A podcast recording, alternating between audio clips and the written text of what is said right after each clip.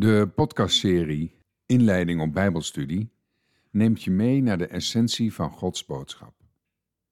Dit is deel 2 van het hoofdstuk Kerk en Geloof.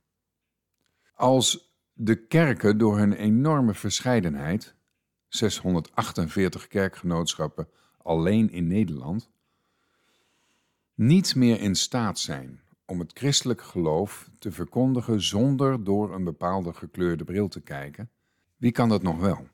Als u daar echt een antwoord op geformuleerd zou willen krijgen, zou waarschijnlijk niemand het meest voor de hand liggende antwoord zijn.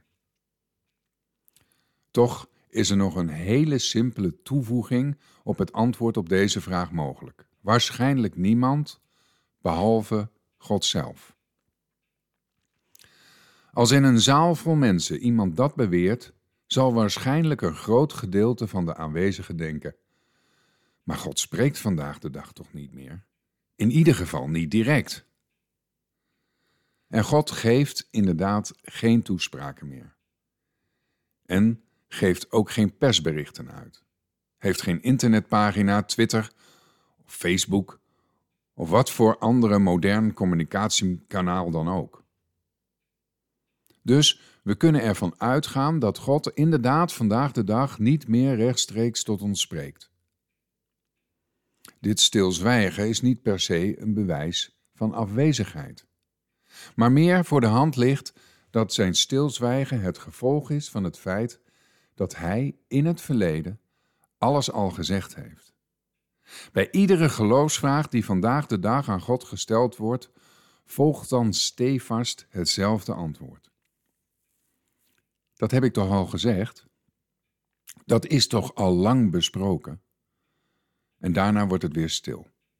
Er zijn bibliotheken volgeschreven over wat God gezegd heeft en hoe Hij het naar alle waarschijnlijkheid bedoeld heeft toen Hij het liet opschrijven in zijn Bijbel. Allemaal interpretaties en zonder twijfel allemaal bekeken door de gekleurde bril van de schrijvers. Maar is daar dan aan te ontkomen? Kun je Gods woord uitleggen zonder dat je ook maar enigszins gekleurd bent? Nou, waarschijnlijk niet. Maar door zo dicht mogelijk bij de tekst te blijven en door vooral vast te houden aan de rode draad van het verhaal dat God ons wil vertellen, zal de kleur tamelijk neutraal blijven. En mede door de uitvinding van de Bijbelsdagboeken wordt de ene dag een stuk gelezen uit het eerste boek van de Bijbel, het boek Genesis. Terwijl de volgende dag gelezen wordt uit het Evangelie van Johannes om de dag daarna een kleine passage uit de brieven van Paulus te lezen. Stel dat we een behoorlijke roman uit de boekenkast pakken. Laten we zeggen De Ontdekking van de Hemel van Harry Mulisch. Een boek van 901 pagina's. Iedere dag, een jaar lang, lezen we op een bepaalde bladzijde van de roman een stuk of tien regels. Vervolgens gaan we koortsachtig proberen de inhoud en eventuele betekenis van die tien regels toe te passen op ons dagelijks leven. Hoe groot is de kans, denkt u, dat u na een jaar het verhaal zoals Mulisch het bedoeld heeft, ook daadwerkelijk kunt navertellen? Het zou verbazingwekkend zijn als u dat kunt. En al even verbazingwekkend dat u de energie hebt om het te proberen. Toch probeert de schrijver van de Bijbel, ongeacht wie hij het daadwerkelijke schrijfwerk heeft laten doen, net als Mulisch, u een verhaal te vertellen. Door de vaak buitengewoon twijfelachtige manier van lezen in en uit de Bijbel, zorgen we er eigenlijk voor dat we niets meer van het verhaal begrijpen.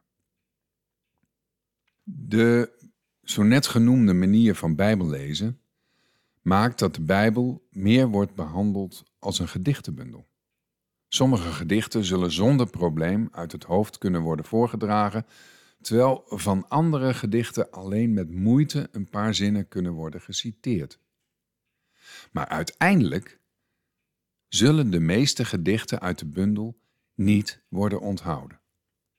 Het zomaar citeren van een aantal regels uit de Bijbel houdt meestal in dat die teksten er worden uitgelicht om bijvoorbeeld gelijk te krijgen in een discussie of om te manipuleren. In de volgende passage uit de Bijbel wordt deze manier van gebruik van de Bijbel geïllustreerd. Toen werd Jezus door de geest weggeleid naar de woestijn om verzocht te worden door de duivel. En nadat hij veertig dagen en veertig nachten had gevast, kreeg hij tenslotte honger.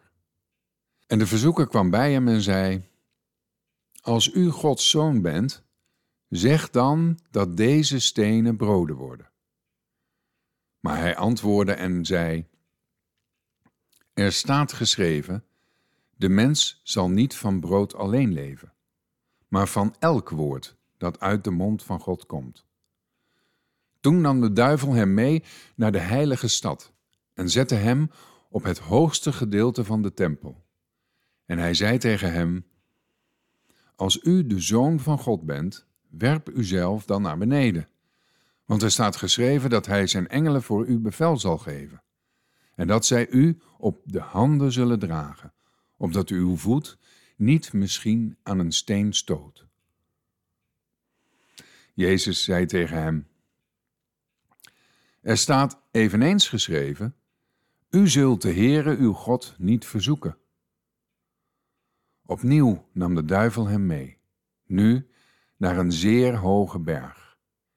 En hij liet hem al de koninkrijken van de wereld zien, met hun heerlijkheid. En zei tegen hem: Dit alles zal ik u geven, als u knielt en mij aanbidt. Toen zei Jezus tegen hem: Ga weg, Satan, want er staat geschreven: De Heere uw God zult u aanbidden en hem alleen dienen. Toen liet de duivel hem gaan en zie, engelen kwamen en dienden hem. Dit was Matthäus 4, vers 1 tot 11 uit de herziene statenvertaling. Dit stuk is een hakketak gesprek waarbij de bijbelse argumenten van Satan worden ontzenuwd doordat Jezus er weer andere bijbelse argumenten tegenover zet. Hieruit blijkt dat in de Bijbel altijd wel een tekst te vinden is die, als hij op een bepaalde manier wordt gebruikt, kan dienen om een bepaald doel te bereiken. Het is wel duidelijk dat de tekst zelf waarschijnlijk niet voor dat specifieke doel geschreven is. Nu is het ook weer niet zo dat het gebruik van Bijbelteksten een slechte zaak is. Ook Jezus citeert regelmatig. Maar wel altijd correct op de lijn van de Bijbel. De draad die door de hele Bijbel loopt en die alles in de Bijbel verbindt. Daarom is het zo belangrijk dat die verhaallijn in de Bijbel wordt gevonden.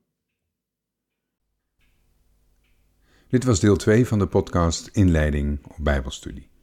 Volgende keer gaan we verder.